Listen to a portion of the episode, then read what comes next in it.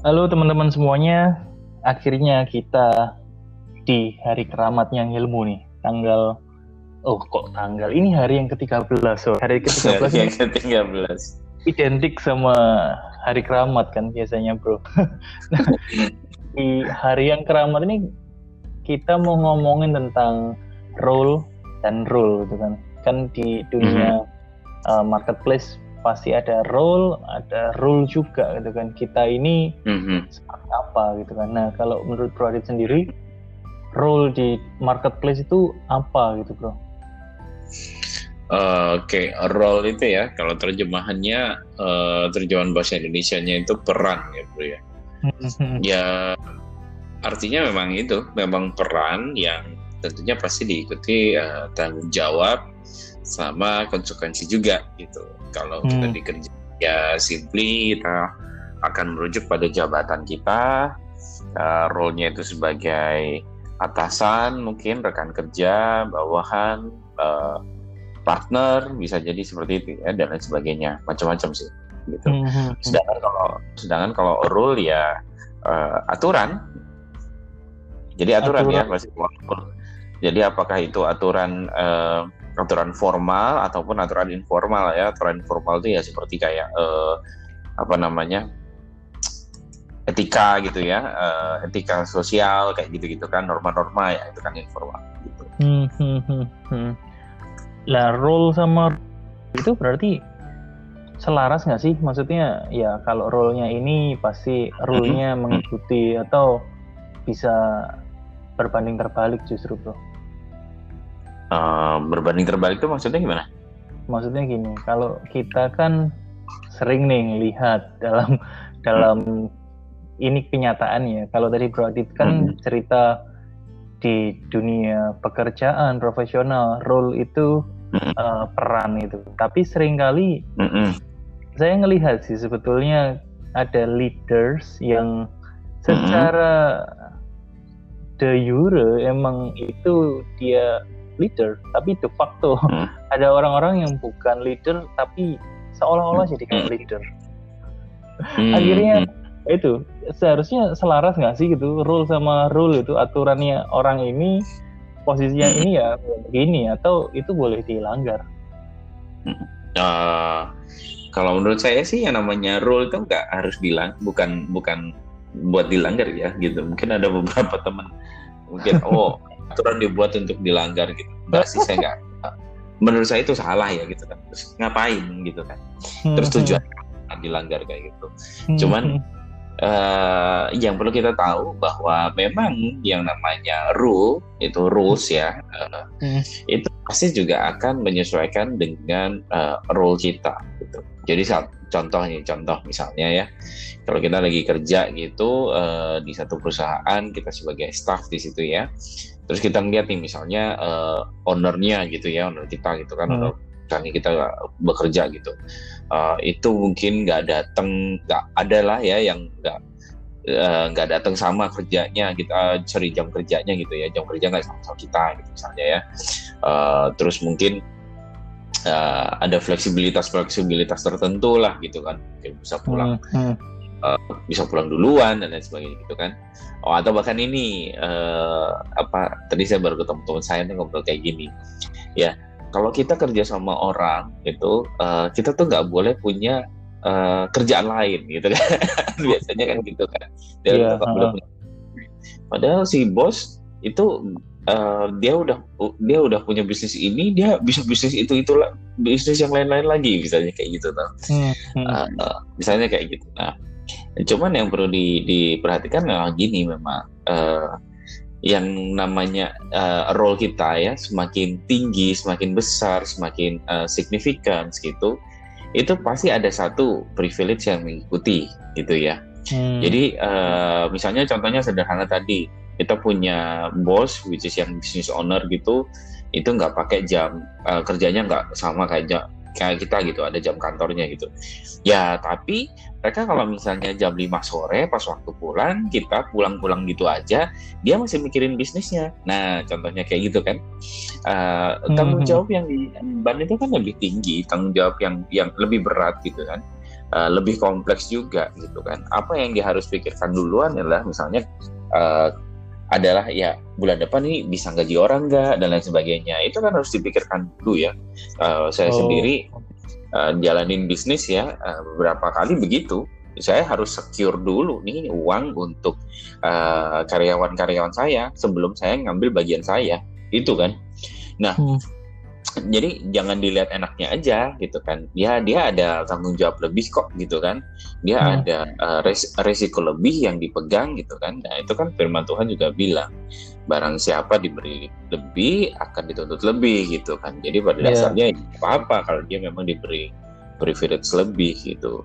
Uh, tapi satu sisi juga semakin tinggi uh, perannya semakin signifikan satu lagi ya uh, semakin besar influence dari peran yang kita pegang itu juga pasti ada restrictionnya gitu kan. Uh, yaitu aturan-aturan yang misalnya sifatnya larangan lah istilahnya atau nggak bisa kita lakukan dan contohnya apa sih sederhananya gitu misalnya kalau kita kerja uh, jadi karya uh, kita sebagai karyawan gitu sorry ya.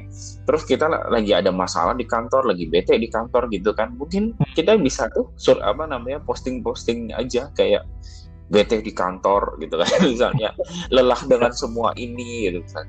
Terus what happen kira-kira kalau misalnya uh, leadernya yang apa namanya uh, posting gitu kan yang posting dengan dengan galau-galau kayak gitu gitu kan. Uh, ngomong kayak uh, sama misalnya lelah dengan semua ini aku bosan. Gitu, gitu kan. Itu kan pasti kayak karena nggak eh ngapain? Bos, bos gue alay banget sih gitu kan. Terus itu masih penting kalau menciptakan kecemasan kayak waduh ini kenapa nih? Jangan-jangan kantor ada apa-apa nih? misalnya kayak gitu. Iya. Nah, iya. satu sisi kan memang sebagai leader kita harus punya tanggung jawab ya untuk jaga jaga moralnya tim yang kita pimpin kayak gitu kan. Ya pasti ada lah ada ada ketentuan uh, sorry ada rulesnya lah nggak boleh yang se segalau dan labil itu juga kan padahal padahal memang lagi pusing misalnya atau lagi hmm. lagi butuh misalnya kan gitu. Hmm, hmm, hmm. Iya iya.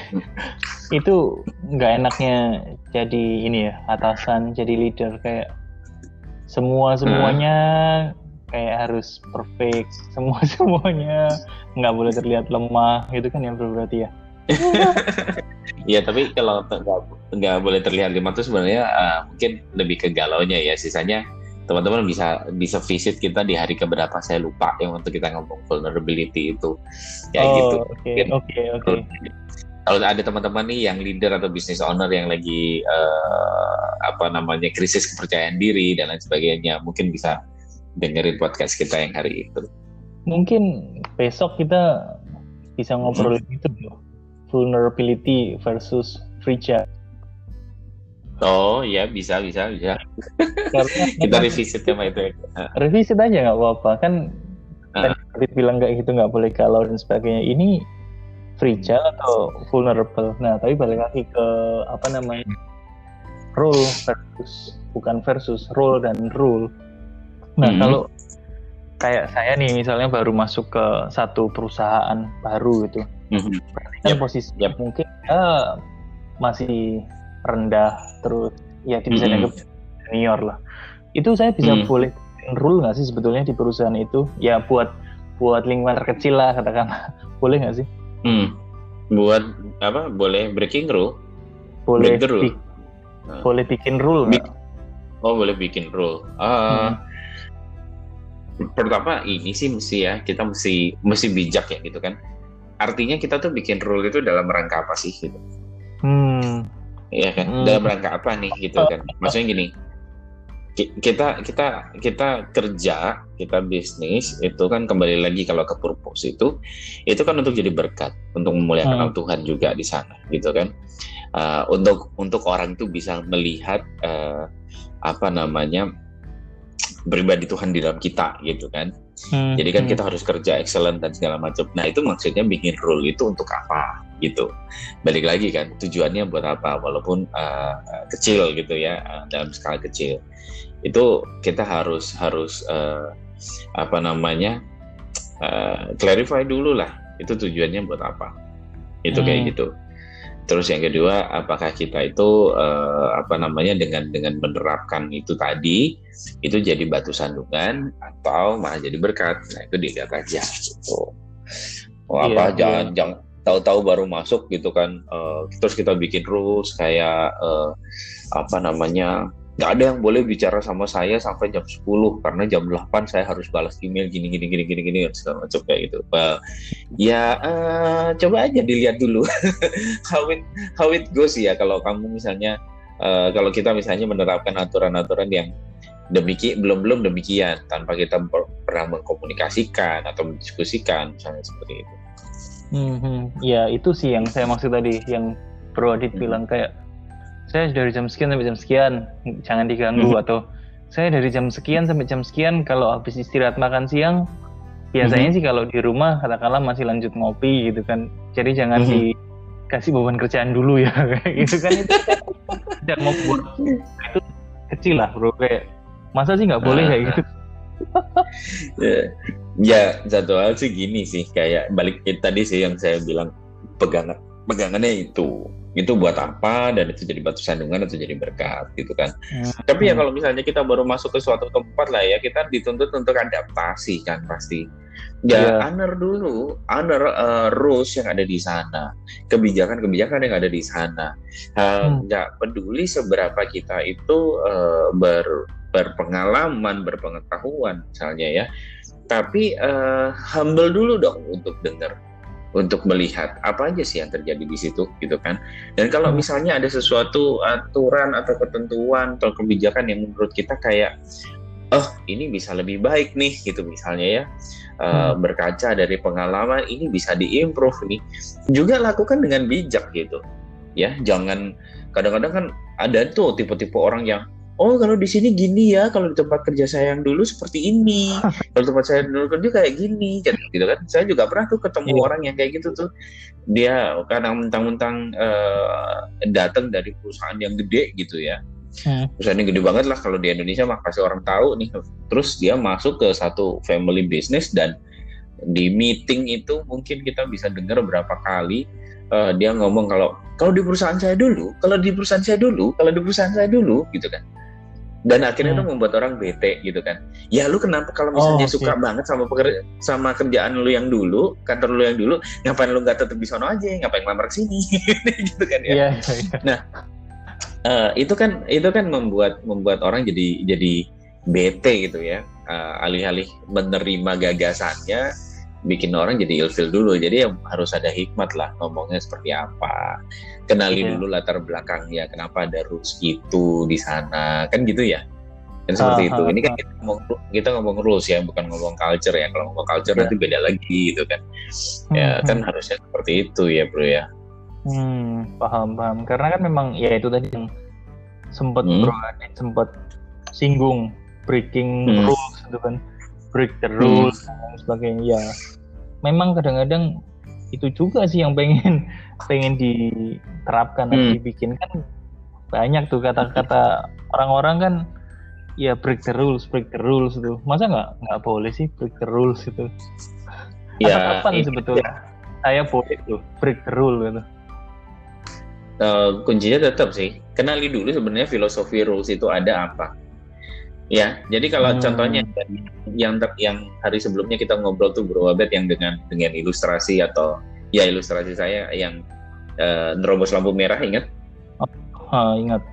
Uh, waktu dikejar begal. Buat teman-teman yang yang nggak yang yang uh, pengen tahu ceritanya bisa dengerin podcast kita di hari yang sebelumnya ya. Nah, Betul. itu Bro Abed dalam rangka menyelamatkan diri harus menerobos lampu merah kan itu kan juga break dulu rule ya kan tapi kan hmm, hmm, hmm. tapi tapi kan itu mengetahui sebenarnya filosofinya apa gitu kan jadi uh, bisa bijak gitu loh bisa bijak uh, dan benar-benar di situasi yang tepat gitu kan nah kalau oh. juga ada juga nih misalnya dulu dulu uh, apa namanya ada ada teman saya itu yang dia akan sangat bangga gitu kan kalau dia menemukan celah di sistem gitu kan. uh, okay, tapi kalau kalau setelah menemukan celah di sistem atau apa itu bukan yang untuk uh, uh, perbaikan, memberikan masukan, gitu enggak, dimanfaatkan tapi kayak gitu. ya termasuk tipe-tipe termasuk dia termasuk tipe yang uh, orang yang percaya bahwa uh, aturan itu dibuat untuk dilanggar gitu misalnya. Nah, uh, saya nggak setuju sih kalau dengan dengan uh, approach seperti itu ya. Sekarang sistem apa bro yang sempurna? Tidak ada sistem yang sempurna. Semua semua sistem, semua aturan, semua prosedur itu bisa dilanggar, itu bisa di bridge gitu ya, bisa tidak dilakukan. Itu kayak gitu, hmm. pasti ada gitu kan terus kita mau ngomong kayak uh, ya salahnya sendiri bikin aturan ada celahnya gitu kan itu sama aja kayak kita misalnya di jalan gitu kan uh, ngelanggar lampu merah di stop polisi terus kita ngom apa namanya eh sorry ada kita lagi di jalan ada putar balik di dalam putar balik terus kita nekat putar balik habis itu di di apa namanya di stop polisi terus kita protes. Iya, lah iya. kenapa ber, berdirinya di sini? Kenapa nggak di situ aja? Loh di situ kan sudah ada tandanya. Ngerti kan hmm, maksudnya kan? hmm, tahu tahu. emang, emang emang niatnya jahat aja gitu kan ya semua sistem ada. Eh, semua sorry semua rules semua aturan semua prosedur uh, pasti ada celahnya. Iya, jangan iya, pernah iya. ketemu yang bisa nutup semua gitu. Uh, iya kan? Coba deh bayangin hmm. aturan aturan tuh gunanya apa sih bro? Aturan itu gunanya satu untuk mencegah gitu kan? Gunanya tuh untuk mencegah sebenarnya bukan untuk hmm. menindak. Utamanya mencegah bukan untuk menindak gitu okay, kan oh, okay. ngapain ditindak kan gitu ya? hmm. ya iya uh, uh. kalau kita memutuskan untuk melanggar aturan ya siaplah untuk ditindak. Iya. jangan nyalain aturan, jangan nyalain aturannya loh. Kenapa bapak nggak berdiri di putaran itu tadi supaya saya kayak muter? Eh, ya, berarti kayak kalau apa ya, yang saya tangkap Brody cerita kayak gitu, yang temennya Brody tadi ketemu celah-celah di sistem, mm-hmm. saya kepikir mm-hmm. kayak oh berarti break break the rules itu ada ini ya prasyarat yang harus di disertakan dalam iya. artian yang pertama emang sudah menguasai betul sama peraturan itu terus kemudian ketika ngelihat celah harusnya tujuannya adalah melakukan perbaikan bukan terus kayak iya. nyala nyalahin itu itu itu itu bukan breakthrough berarti kalau kita hmm. sudah menguasai atau mastering kemudian improve itu adalah breakthrough hmm. tapi kalau belum menguasai yes kayak temennya Brody tadi kayak ya sistem memang semua ada celahnya kata Brody kalau belum menguasai terus kayak nyalah nyalahin jadi itu hmm. bukan break rules. Itu bisa jadi nggak punya aturan atau nggak tahu aturan mungkin ya. Nah itu nggak nggak nggak nggak tahu aturan ya. Nggak punya lah mungkin ya. aturan. Nggak punya nggak punya yeah. aturan hidup hidup tuh nggak kayak gitu jadi kayak kalau teman-teman Uh, ini nyambung lagi nih waktu sama pembicaraan kita yang empati. Ya empati dulu kenapa ada aturan itu di kantor, hmm. ya kan? Dan iya. seperti itu. Hmm. Betul.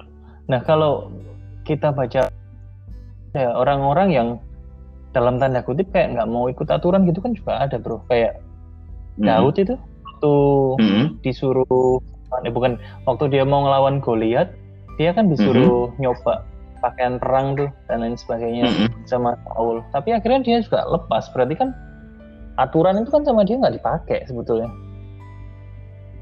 The, saya nggak melihat itu sebagai aturan sih kalau misalnya mau pakai pakai uh, hmm. peralatan uh, tempur itu.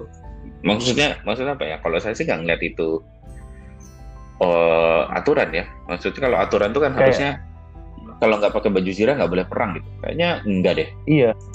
Oh, soalnya kan kayak ya itu safety-nya gimana? Terus nanti kalau ternyata bayangin bro kayak 40 hari mereka udah ketakutan karena fear menghadapi mm -hmm. lihat setiap pagi petang maju kayak gitu terus mm -hmm. ini satu orang kayak tahu-tahu menantang maut dalam tanda kutip kan waktu itu kan mm -hmm. pasti kayak yeah. Iya. kalau memenangkan pertarungan ini aturannya memang itu pakai baju zirah pakai pedang, pakai ketopong dan lain mm -hmm. sebagainya.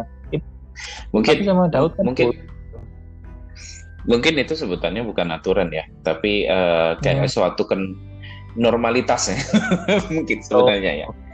Okay. Normalnya, wajarnya kan begitu ya. Nah, memang uh, kalau memang memang akan ada momen-momen pasti kita sering dihadapkan sama yang uh, apa namanya sebenarnya itu bukan break the rules ya tapi kalau hmm. buat saya itu ya break the habit break the normality, oh. bukan rules sih.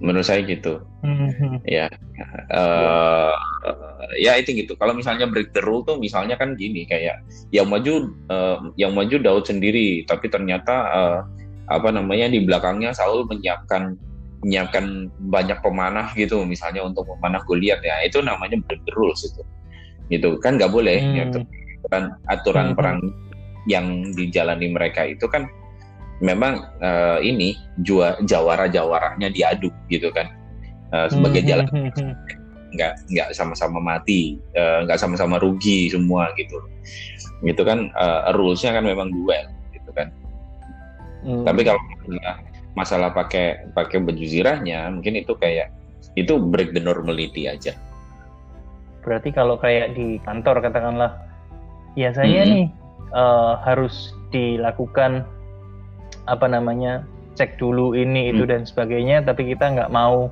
hmm. ngikutin itu break the rules hmm. tapi kalau misalnya oh yang pengiriman dokumen X gitu dilakukan oleh hmm. uh, rule-nya ini tahu-tahu kita ya ini kan sejalan sama saya pulang kenapa nggak saya sekalian bawain aja. Itu bukan break the rules berarti ya? Break the normality kayak gitu ya? Iya gitu aja gitu. Uh, break normality. Hmm. ya iya. kayak rules itu kan tadi juga saya bilang ada yang informal ya gitu kan. Kewajaran itu salah satunya hmm. memang jadi jadi rules eh, informal aja. Jadi misalnya gini kayak eh, apa namanya misalnya kita mau mau, mau meeting gitu ya kan. Eh, misalnya mau meeting laporan bulanan gitu ya. Misalnya kalau misalnya kita sebagai leader gitu kan ada progress report hmm. bulanan apa gitu kan. Terus normalitinya itu kita presentasi gitu misalnya. Biasanya kita hmm. presentasi ya. Jadi uh, menampilkan data, ada visualisasinya dan lain sebagainya.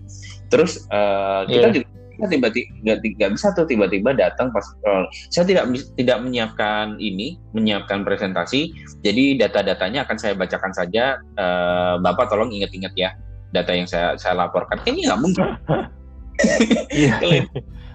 kalau, itu mah gila sih. Memang berkewajaran iya. ya berkualitas tapi karena gila. Menurut saya ya enggak lah, ya gitu, kayak gitu. Tapi misalnya kalau break normality itu uh, misalnya kayak gini uh, apa namanya uh, kita misalnya ya kerja di uh, kita punya restoran gitu misalnya kan nggak ada sih aturan sebenarnya uh, apa namanya untuk uh, pelayan gitu ya atau waiter gitu mengantarkan uh, makanan pelanggan hmm. sampai ke mobil gitu misalnya ya. Memang nggak ada tuh misalnya. Tapi sekali waktu ada orang yang ternyata beli datang saya beli ini ini kasus nyata nih kasus nyata. Uh, teman saya gitu punya restoran gitu. Terus ibu-ibu ini tiba-tiba datang memang beli uh, 50 portion dikotakin gitu loh. Terus pesan hmm. oke okay, dibawa gitu. Terus dia ini si pelanggan ini si ibu ini itu parkirnya di seberang jalan. Sekarang bayangin ibu-ibu ya, bawa 25 kotak di, di di sebelah kanan, tangan kanan 25 kotak tangan kiri kan berat. Terus dia minta hmm. tolong hmm. uh, waiternya, tolong bisa anterin apa? Bisa anterin saya nggak ke itu ke mobil gitu kan? Bawain hmm. ini. Terus pelanggannya kan nggak ada nggak ada nggak ada aturan ya kan memang. Tapi memang tidak pernah dilakukan juga. Terus dia ngomong kayak oh nggak bisa bu. Saya cuma bisa antar sampai ke depan pintu doang. Hmm. iya. Gara-gara gara eh, itu kan nyebelin sampai akhirnya marah-marah. Yeah. ketika dievaluasi ketika dievaluasi sama teman-teman saya kenapa lu kayak gitu? Bla bla bla bla gitu kan. Terus bilang ya kan di job desk saya nggak ada. Hmm. untuk mengeluarkan makanan ngerti ya bro ya? Ngerti kan maksudnya kayak gitu kan?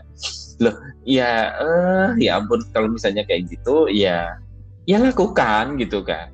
Uh, terus ya itu mungkin ya break the normality ya. Kadang-kadang kita nggak mau beyond nggak mau extra miles karena kita juga nggak mau karena kita juga uh, dalam tanda kutip hitungan gitu loh. Ya okay. ya kayak menarik gitu. sih.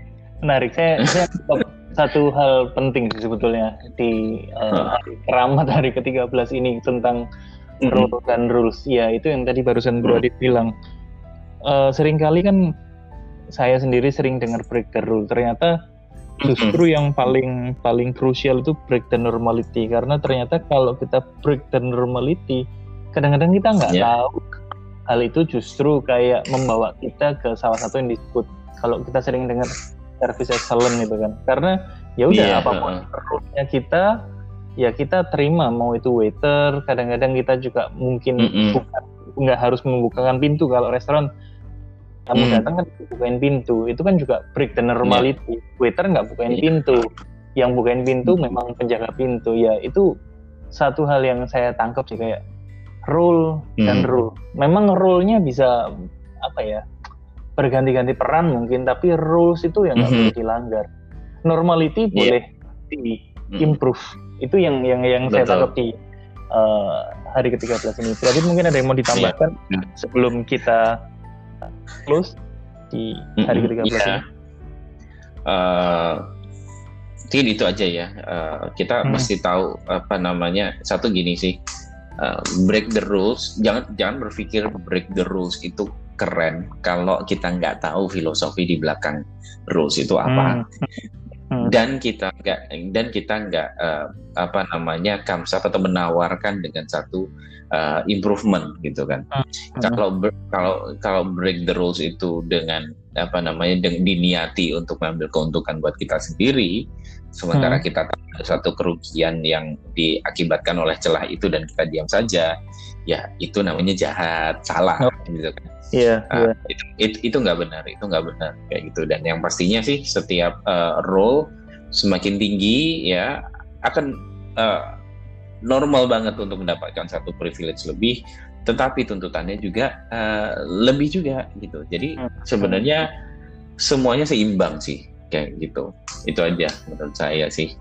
Oke, okay, kalau gitu, thank you, bro. Uh, kita sharing di hari ke-13 semoga teman-teman dapat insight baru tentang role dan rules dan juga apa ya perspektif yang baru. Nah kita besok ketemu yang ke-14 kita mau ngomong tentang mm -hmm. vulnerability versus dan retail karena itu itu hal yang harus bisa dibedakan. So sampai ketemu besok teman-teman semuanya dan juga Bro Adit. Thank you. Thank See you and God bless you, bro.